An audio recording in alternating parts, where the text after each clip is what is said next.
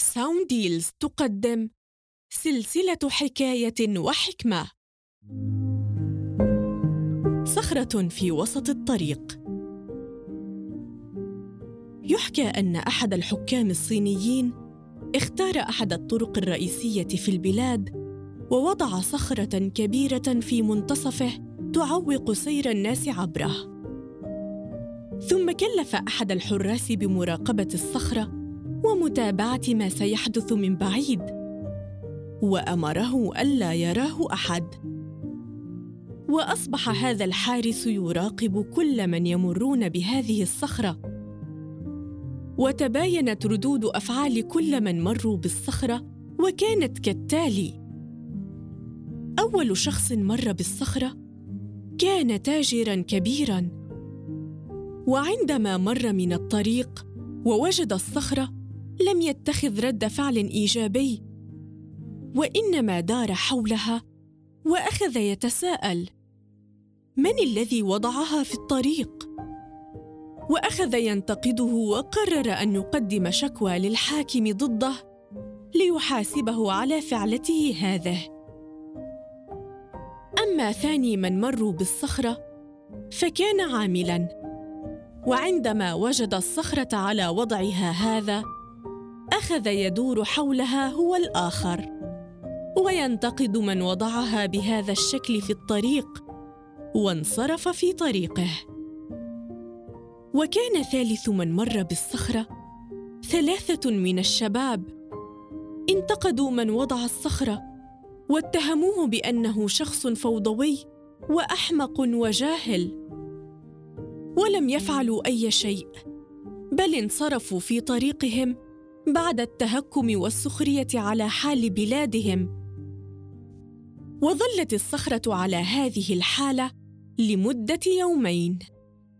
حتى جاء فلاح فقير ومر من طريقها. وعندما وجد هذه الصخرة شمر عن ساعديه وقرر أن يزيح الصخره من طريق المارة. وطلب المساعدة ممن مروا به وتشجع البعض وحاولوا مساعدته في إزاحة هذه الصخرة. وبالفعل استطاع هذا الفلاح الفقير أن يزيح الصخرة من الطريق.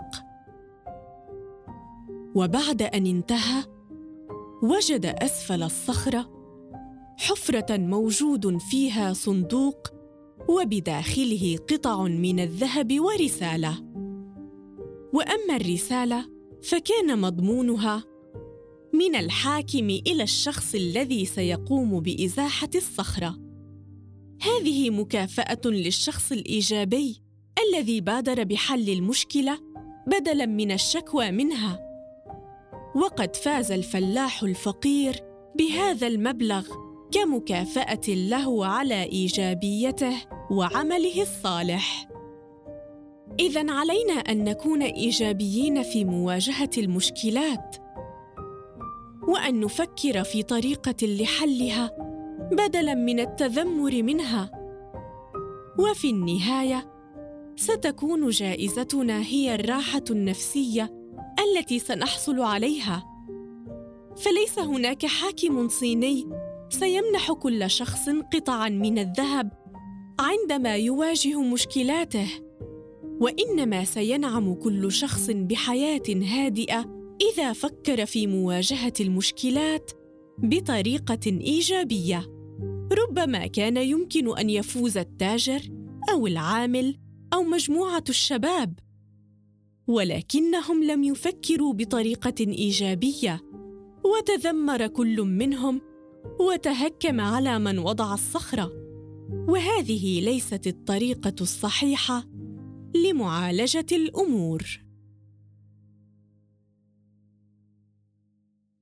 هذه المادة من إنتاج منصة ساونديلز للتعليق الصوتي والمحتوى الرقمي.